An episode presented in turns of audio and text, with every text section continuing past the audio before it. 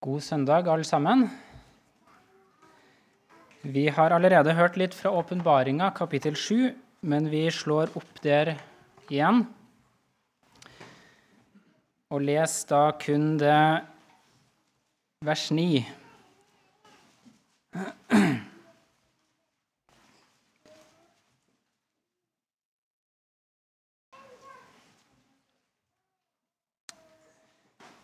Deretter så jeg, og se, en stor skare som ingen kunne telle, av alle folkeslag og stammer og folk og tungemål.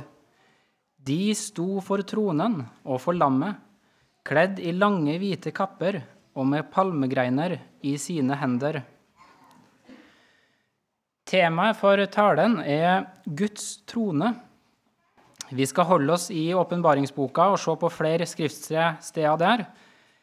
Og vi skal trekke linje egentlig fra kapittel 1 og fram til kapittel 7 her. Så det er helt, først helt på slutten at vi kommer til å komme tilbake hit i kapittel 7. Eh, Åpenbaringa er den boka som mer enn alle andre bøker i Bibelen taler om Guds trone. Og Hvis du f.eks. søker opp i Norsk Bibels nettbibel, så får du hele 36 treff på ordet trone. Eh, noen av dem er det som handler om f.eks. Satans trone. Det står litt om den. Men de aller fleste viser til Guds trone. Og i to, eh, I nesten to tredjedeler av kapitlene i Johannes' åpenbaring så blir Guds trone nevnt. Og når jeg først la merke til det mens jeg leste åpenbaringsboka eh, for noen måneder siden, så var det som om hele boka plutselig begynte å dreie seg om Guds trone om Han som sitter på den. Og så syns jeg åpenbaringa da plutselig ga et mektig møte med Han, Han som sitter på tronen. Og så har det fulgt meg i flere måneder etterpå, og jeg har kjent på en trang til å ta fram det temaet. Og her leste vi i vers 9 eh, om en flokk som sto for tronen. Og det er det du må ta med deg gjennom alt det du skal høre i dag. At en dag så skal du stå der framom den tronen. Du har ei udødelig sjel, og det er så lett for oss mennesker å glemme det. Det er så lett å bli så opptatt av kroppen, av legemet, alt vi skal ja, som det står, kle oss med og ete, og det vi skal holde på med her i verden. Men altså når kroppen din legges i grava en dag, når du blir til jord, da står sjela di framom Guds trone. Og det blir en merkelig dag når alle mennesker, jeg og du, én og én, skal stå framom tronen. Skal vi be? Ja, Gud, du er stor. Du er en stor Gud, og du sitter på tronen. Og så ber jeg om at du må gi oss å frykte deg, bare deg. Gi oss å tro på deg. Gi oss å ha fred med deg, sånn at vi kan få fred i livet og i møte med døden. Og så ber jeg for dem som har møtt opp her i dag, som kjenner på nød og kjenner på at de er bekymra eller har, har, det vondt på noen, noen, som helst måte, at de må få trøst. Og så ber jeg for dem som er sikre og trygge på en falsk måte, at de må få våkne opp. At vi alle sammen må få et møte med deg, og du må sørge for at den ene får trøst, og den andre får tukt, sånn som det du har tenkt det. Jeg ber om din ånd, at du kan tale til oss. Amen. Vi går nå til kapittel 1.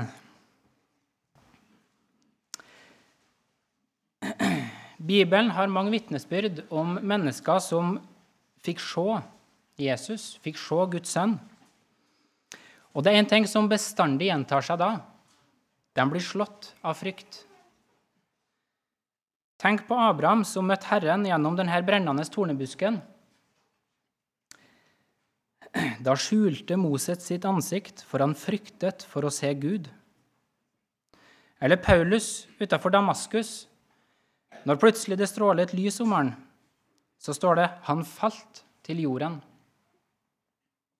Og så opplever Johannes det samme her i kapittel 1. Han hører en røst som taler til han. Også når han skal snu seg og se han som taler til han, da får han se en som ligner en menneskesønn, og så beskriver han han som en, en herlig person med stor makt. Øynene er som ildslua, fotene er som skinnende kobber. Og når han snakker, så er det som, som bruset av vannmasser. Og ut av munnen så går det et tvega, skarpt sverd, og ansiktet det som sola som skinner i sin kraft. Og så står det i vers 17.: Da jeg fikk se ham, falt jeg ned for hans føtter som død. Det er mange som har et lettvint forhold til Jesus. Tenker på han nesten som en jevnaldrende kamerat. Men i sin herlighet etter oppstandelsen så er Jesus å se til som sola, som er for sterk å se på. Og Om det går an å få lage et nytt ord, så går det an å si at Jesus han er fryktverdig. Han er verdt å fryktes. Før i tida snakka han kanskje mye mer om ordet gudsfrykt. Gudsfrykt det er jo ikke å frykte Gud sånn at en drar seg bort fra Herrens åsyn, sånn som Kain gjorde. Heller ikke skal frykten, gudsfrykten føre deg til fortvilelse, sånn at du tar ditt eget liv, sånn som Judas. Men den skal føre til at du og jeg, som Peter, gret bitre tårer over oss sjøl, tar imot den gaven Gud har gitt oss i Jesus og at vi flyr fra synda. På samme måte som at det var synet av Jesus som fikk Johannes til å falle ned som død, så er det òg det Jesus sier til han, Jesu ord, som får, får han til å reise seg opp igjen. For det står videre Men han la sin høyre hånd på meg og sa, Frykt ikke. Når han, som er den eneste vi egentlig må frykte, sier til Johannes, 'Frykt ikke'. Når han kommer og sier det til deg personlig, 'Frykt ikke', hva har du da å frykte?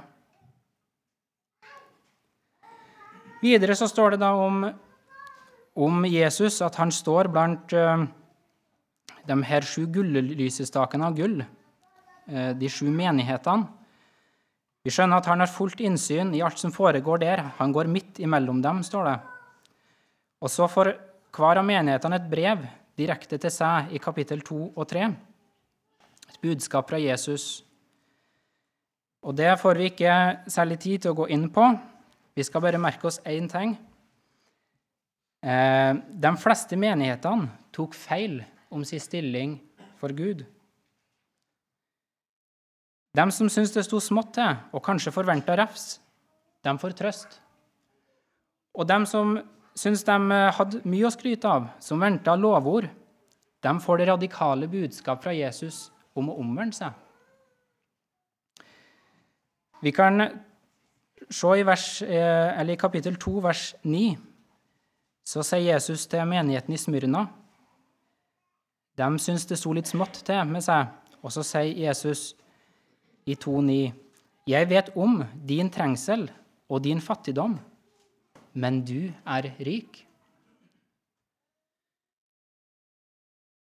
I kapittel 3, vers 17 så må Jesus si det stikk motsatte til menigheten i Laudikea. Fordi du sier 'Jeg er rik', 'Jeg har overflod og har ingen nød', og du vet ikke at du er ussel og ynkelig og fattig og blind og naken. Det går i oppfyllelse her, det som står at Gud står de stolte imot, men de ydmyke gir han nåde. Så kommer vi til kapittel fire, som er den teksten vi skal lese lengst i sin sammenheng i dag, og som handler om Gud på sin trone. Sendebrevene står altså plassert midt imellom kapittel 1, der Johannes får et mektig møte med Jesus, og kapittel 4, der Johannes får et mektig møte med Faderen på tronen. Og hvis vi virkelig har fått et møte med den levende Gud, da burde vi kanskje, som Johannes, falle ned for han. Og akkurat som menigheten i Smyrna, bli ganske fattig i oss sjøl. Nå skal vi bli med Johannes like inn i himmelen, og så beskriver han hva han ser der. Eh, og så er det seks uttrykk i kapittel 4, men litt òg i vers, nei, kapittel 5, 6 og 7, som vi skal særlig stå opp for resten av talen. Eh, men vi leser først kapittel 4 i sin sammenheng. Deretter så jeg, og se, en dør var åpnet i himmelen, og den første røsten som jeg hadde hørt tale til meg som en basun, sa, Kom opp her, og jeg vil vise deg det som skal skje etter dette. Straks ble jeg rykket bort i ånden, og se, en trone var satt i himmelen, og det satt en på tronen. Han som satt der, var å se til som jaspistein og sarderstein, og rundt tronen var det en regnbue som en smaragd å se til. Rundt omkring tronen var det 24 troner, og på tronene satt de 24 eldste, kledd i hvite klær og med kroner av gull på sine hoder. Fra tronen går det ut lyn og røster og tordendrønn, og sju ildfakler brenner foran tronen. Det er de sju Guds ånder. Og foran tronen er det liksom et glasshav, likt krystall. Og midt for tronen og omkring den er det fire livsvesener, fulle av øyne foran og bak. Det første livsvesenet er likt en løve. Det andre livsvesenet er likt en okse. Den tredje livsvesen har ansikt som på et menneske. Og det fjerde livsvesenet er likt en ørn i flukt. De fire livsvesener, hvert enkelt av dem, har seks vinger, og de er fullsatt av øyne både rundt om og under vingene. Natt og dag sier de uten opphold. Hellig, hellig, hellig er Herren Gud, den allmektige, Han som var, og som er, og som kommer. Og når de fire livsvesener gir pris og ære og takk til Ham som sitter på tronen, Han som lever i all evighet, da faller de 24 eldste ned for Ham som sitter på tronen, og tilber Ham som lever i all evighet, og kaster sine kroner ned for tronen og sier, Verdig er du, vår Herre og Gud, til å få lovprisningen og æren og makten. For du har skapt alle ting, og på grunn av din vilje ble de til, og ble de skapt. Og vi tar med oss vers 11 i kapittel 5. Og jeg så, og jeg hørte røsten av mange engler omkring tronen, og de fire livsvesener og de eldste. Tallet på dem var 10 000 ganger 10 000 og tusen ganger tusen. Vi skulle stoppe for seks uttrykk. Det første uttrykket finner vi i vers 1. Det står 'en dør' var åpnet i himmelen. Det ble så godt for meg å legge merke til det. Du som gjerne vil til himmelen, det er ei åpna dør inn dit. Jesus sier sjøl at 'jeg er døren'. Og så kaller han Johannes opp, og nå kaller han deg. Kom opp her. Ja, du er kalt til noe større enn å leve og dø i en verden hvor urettferdighet bor, hvor mennesker misunner hverandre, hater hverandre og slår hverandre i hjel. Du er kalt til et liv i evigheten med Jesus. Så kom nå når Jesus kaller på deg. Han er ikke bare døra inn i himmelen, han er òg veien som fører fram til døra. Jeg er veien og sannheten og livet. Ingen kommer til Faderen uten ved meg. Og så kommer da Johannes opp, blir løfta opp, og så får han se inn i himmelen. og Da kommer vi til det neste uttrykket, i vers 2. Det satt en på tronen. Hva er det første han legger merke til når han ser inn i himmelen? Hva er det som er liksom det store blikkfanget, og som ser ut til å være sentrum? Det som på en måte alt annet dreier seg rundt. Og så er det som han nesten er forskrekka. Å se, gisper han. Det er et syn som slår imot han, før han da fortsetter å beskrive en trone var satt i himmelen, og det satt en på tronen. Det er satt en trone i himmelen. Her på jorda så er det konger som sitter på kongetrona, og det er mange som kjemper i verden om å få makt og få sitt øverst på tronen. Putin ønsker større makt for Russland og tar seg til rette i Øst-Europa. Xi rasler med sablene utenfor Taiwan og sikler etter større makt her nå. I Midtøsten vet vi at det er terrororganisasjoner som strever for å få makt over jødene sitt land. Og i Vesten Ja, det er vel kanskje ikke helt fritt her i Vesten heller. Og ønsket eh, om makt være de største Ja, er det ikke sånn Vesten ser på seg sjøl? At vi er dem som sitter på toppen og har alt rett, og vil styre andre? Det kjempes og slåss, og noen går under, og andre rykker oppover på rangstigen. Men du, på den øverste tronen, dit kommer ingen. For det satt en på tronen.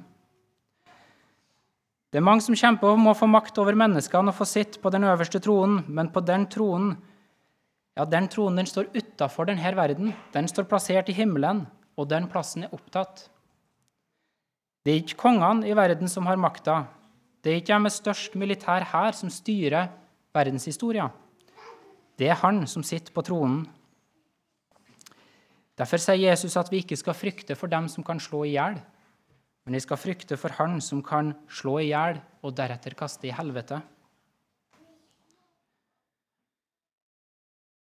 Når vi skal anvende det her på oss, så blir jo da spørsmålet Har du fått Har du latt Han få lov til å få makt i ditt liv? Er det Gud som sitter på tronen i ditt hjerte?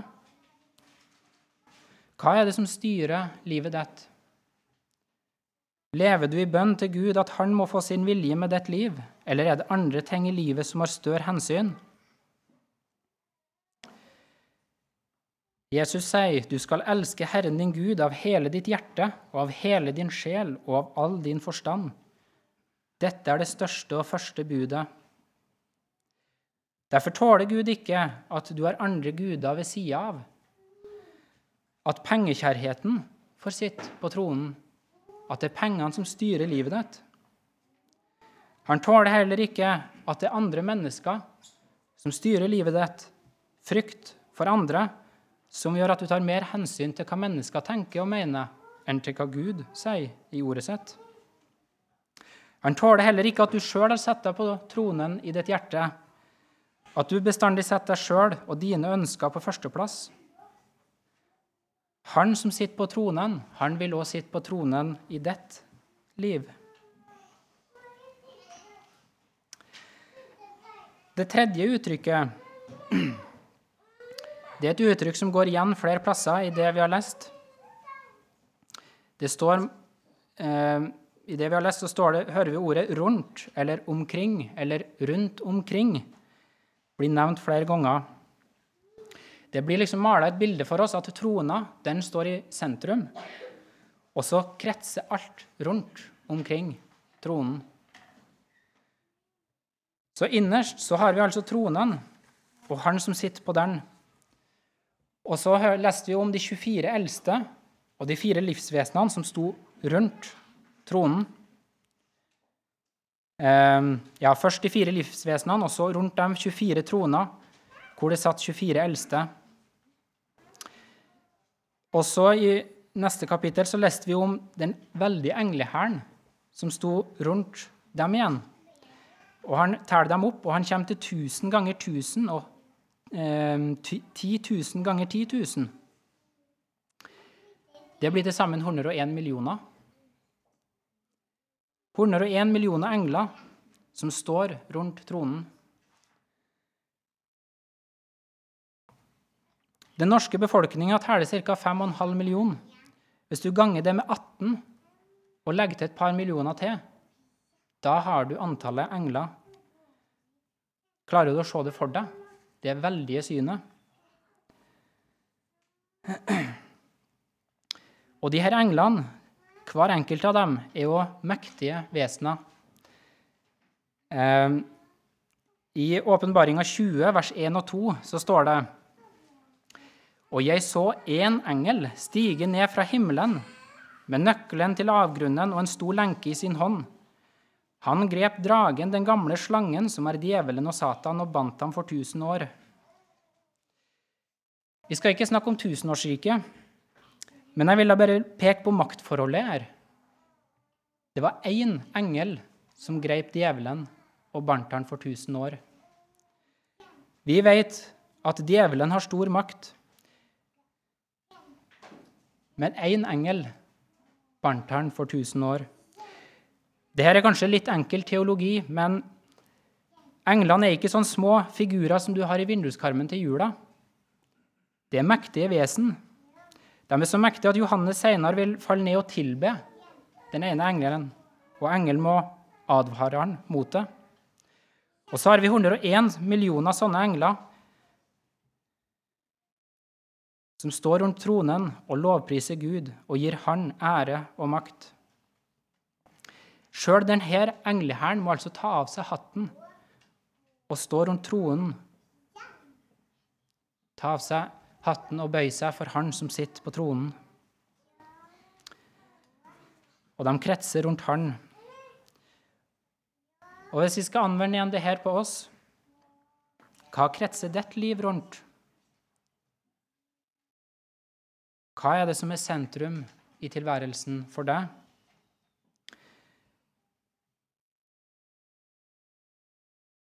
Eh, Satans kirke i USA de har definert hva satanisme er. Og de sier satanisme handler om å sette deg selv i sentrum for din verden. Kjenn deg selv, realiser deg selv og vinn respekt fra de folk som det er verdt å bli respektert av. Med andre ord dyrk deg sjøl, så dyrker du Satan. Og så var Guds vilje i stedet at vi skulle kretse om Han som sitter på tronen.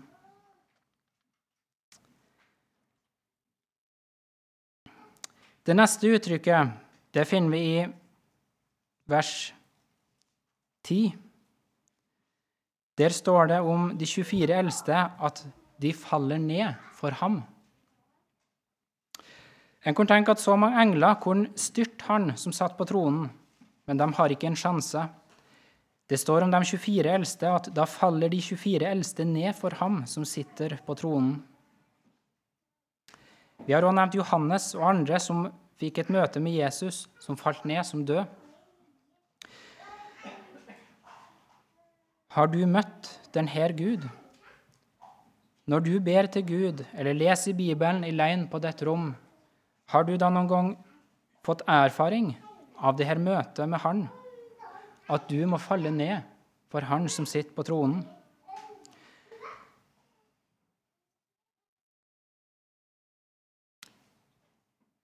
At det er synd som må gjøres opp, at synda i livet blir et uløselig problem i møte med den tre ganger hellige Gud. Sånn at du må som fariseeren, nei, som um, tolleren i tempelet, slå deg for ditt bryst og bøy hodet i møte med Han. En dag skal jeg og du stå for tronen. Bøker skal åpnes, og så skal alt i ditt liv fram i lyset. Da skal all din utakknemlighet mot Gud, bitterhet over det livet han ga deg, over sånn han styrte livet ditt, det blir tatt fram i lyset. All din sinne skal fram i lyset. Og du vet, Det er mange som kan være from på søndager når de går i menigheten, er blant folk, men så er de umulig i heimen vanskelig med ektefelle eller unger. Det skal fram i lyset. Og om en, om en går rundt og baktaler eller er ryktemaker, setter ut rykter om andre, ja, så skal Gud lese det opp høyt, så alle hører det. når du står for tronen.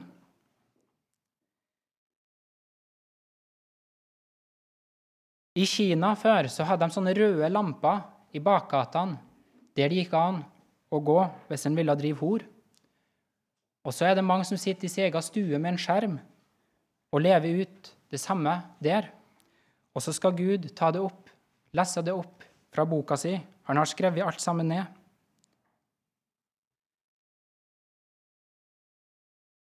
Og så er det andre som har et uoppgjort forhold med andre i menigheten. Og så skal det leses opp. Alt du er og har gjort, det er skrevet ned. Og så skal vi stå for tronen.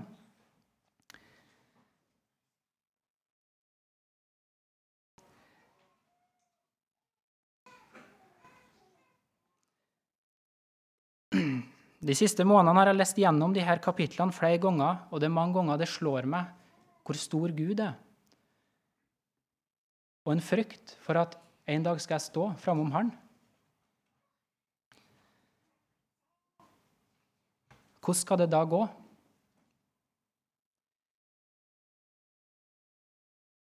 Vi skal høre litt snart om hvordan det går. Det, skal bli to flokker på den dagen. Men først skal vi ta med et, par vers til i kapittel 5. Johannes får se et, et syn som jeg syns er utrolig stort og godt i vers 5 og 6 i kapittel 5.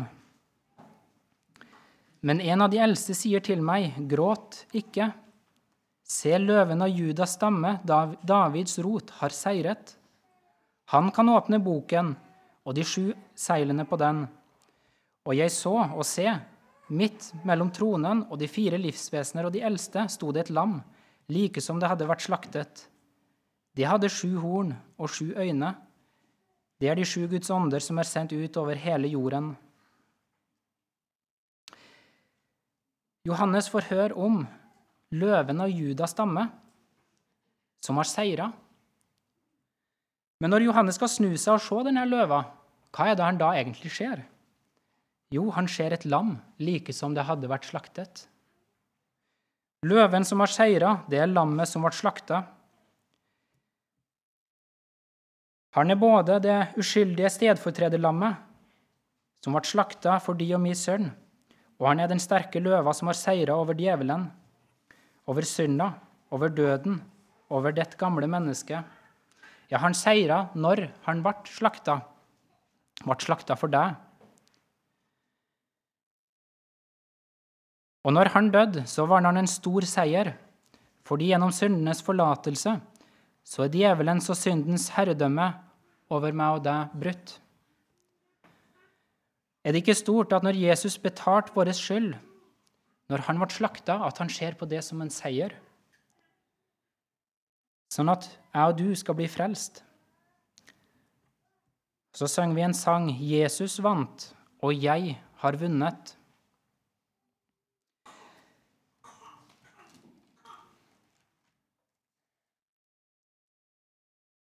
Når jeg leste gjennom noen av de versene her i morges,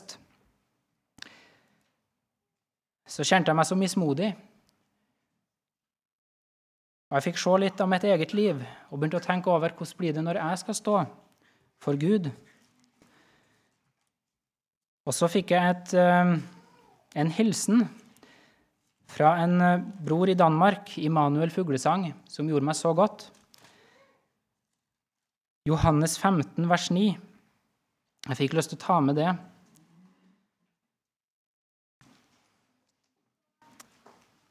Det er Jesus som sier det til disiplene sine. Like som Faderen har elsket meg, så har jeg elsket dere. Bli i min kjærlighet. Klarer dere å tenke dere hvor høyt Faderen har elska Sønnen? Vi hørte om lammet. Det var han som sto nærmest tronen. Helt inn på tronen, der var lammet. Faderen ville ha han aller nærmest seg fordi han elsker han. Og kan vi tenke oss hvor stor den kjærligheten er mellom Faderen og Sønnen?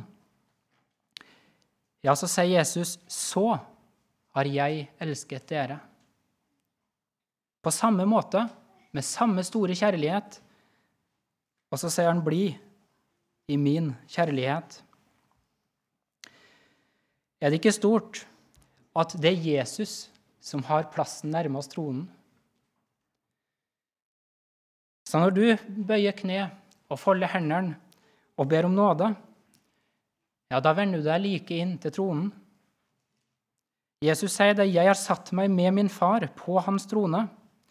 Og når du da ber Jesus om nåde, når du får hvil i løftet om at blodet renser fra all synd, da har du kontakt direkte inn til tronen.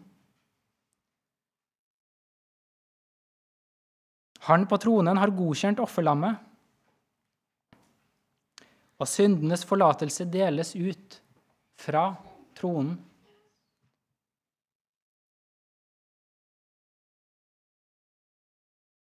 Det siste uttrykket jeg tenkte vi skulle stoppe for, det leste vi i kapittel 7, vers 9. Da er vi tilbake der vi starta. Men vi, skal, vi kan lese de tre siste versene i kapittel 6 først. Da hører vi om dommen, og så hører vi om to grupper mennesker i vers 15 i kapittel 6.: Kongene på jorden og stormennene og hærførerne og de rike og de mektige, hver trell og hver fri mann, gjemte seg i hulene og mellom berghamrene. Og de sier til fjell og klipper, fall over oss og skjul oss for Hans åsyn som sitter på tronen, og for lammets vrede. For deres store vredesdag er kommet, og hvem kan da bli stående? Når vi skal stå for tronen en dag, så skal vi se Han som sitter på tronen. Og så skal vi se de fire livsvesenene og de 24 eldste som står rundt tronen. Og skal vi se hele den englehæren. Og så skal vi sjøl stå der for tronen i lag med alle mennesker. Og så står det noen og hikstegret på lammets vrede. Og så er det andre som ser opp og stråler av glede, for de ser sin frelser. Tenk deg at det er noen som skal møte lammets vrede en dag, og de roper 'Hvem kan da bli stående?' Det er noen som sier det når vi hører om mennesker som har det vondt, og så dør de. Og så er det noen som sier 'det var godt de slapp'. Jeg syns det er vondt å høre når det blir sagt. Ja, hvis det var en kristen, så er det sant. Men hvis ikke, så skal han møte lammets vrede. Han går fra vondt til verre. Og den som ikke har fått tatt imot Jesu tilgivelse, den skal møte Gud i sin egen synd, som om ingen har betalt for synda. Og Da er det mye bedre å være en krøpling her i verden med smerter både innvendig og utvendig, enn å møte Han som sitter på tronen og blir kasta i ildsjøen.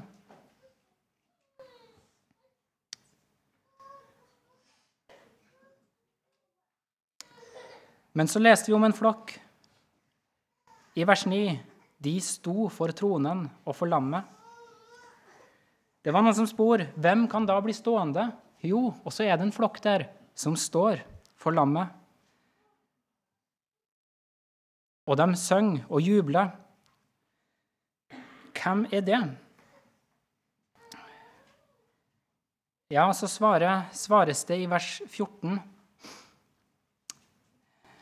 Han sa til meg, dette er de som kommer ut av den store trengsel, og de har vasket sine kapper og gjort dem hvite i lammets blod. Det står ikke til at de kjente til at de kunne få vaska sine kapper, at de kunne vaske dem hvite i lammets blod.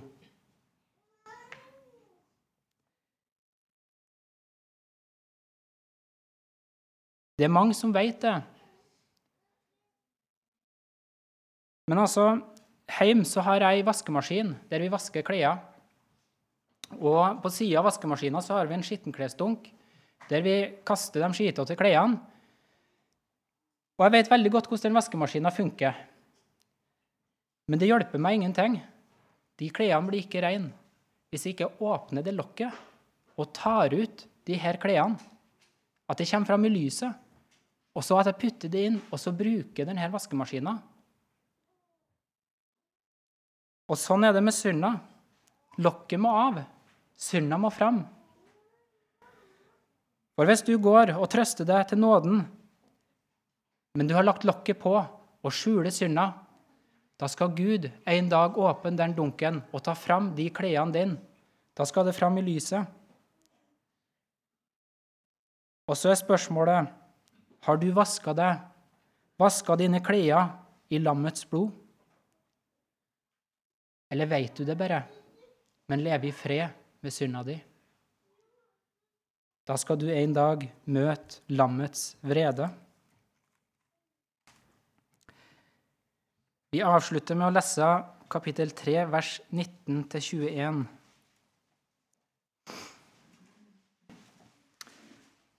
Alle dem jeg elsker, dem refser og tukter jeg. Derfor ta det alvorlig og omvend deg. Se, jeg står for døren og banker. Om noen hører min røst og åpner døren, da vil jeg gå inn til ham og holde nattverd med ham, og han med meg.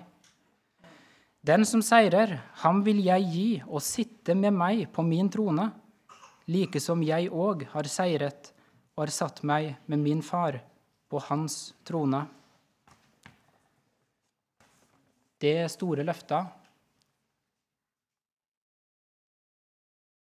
Så kom i dag til Jesus.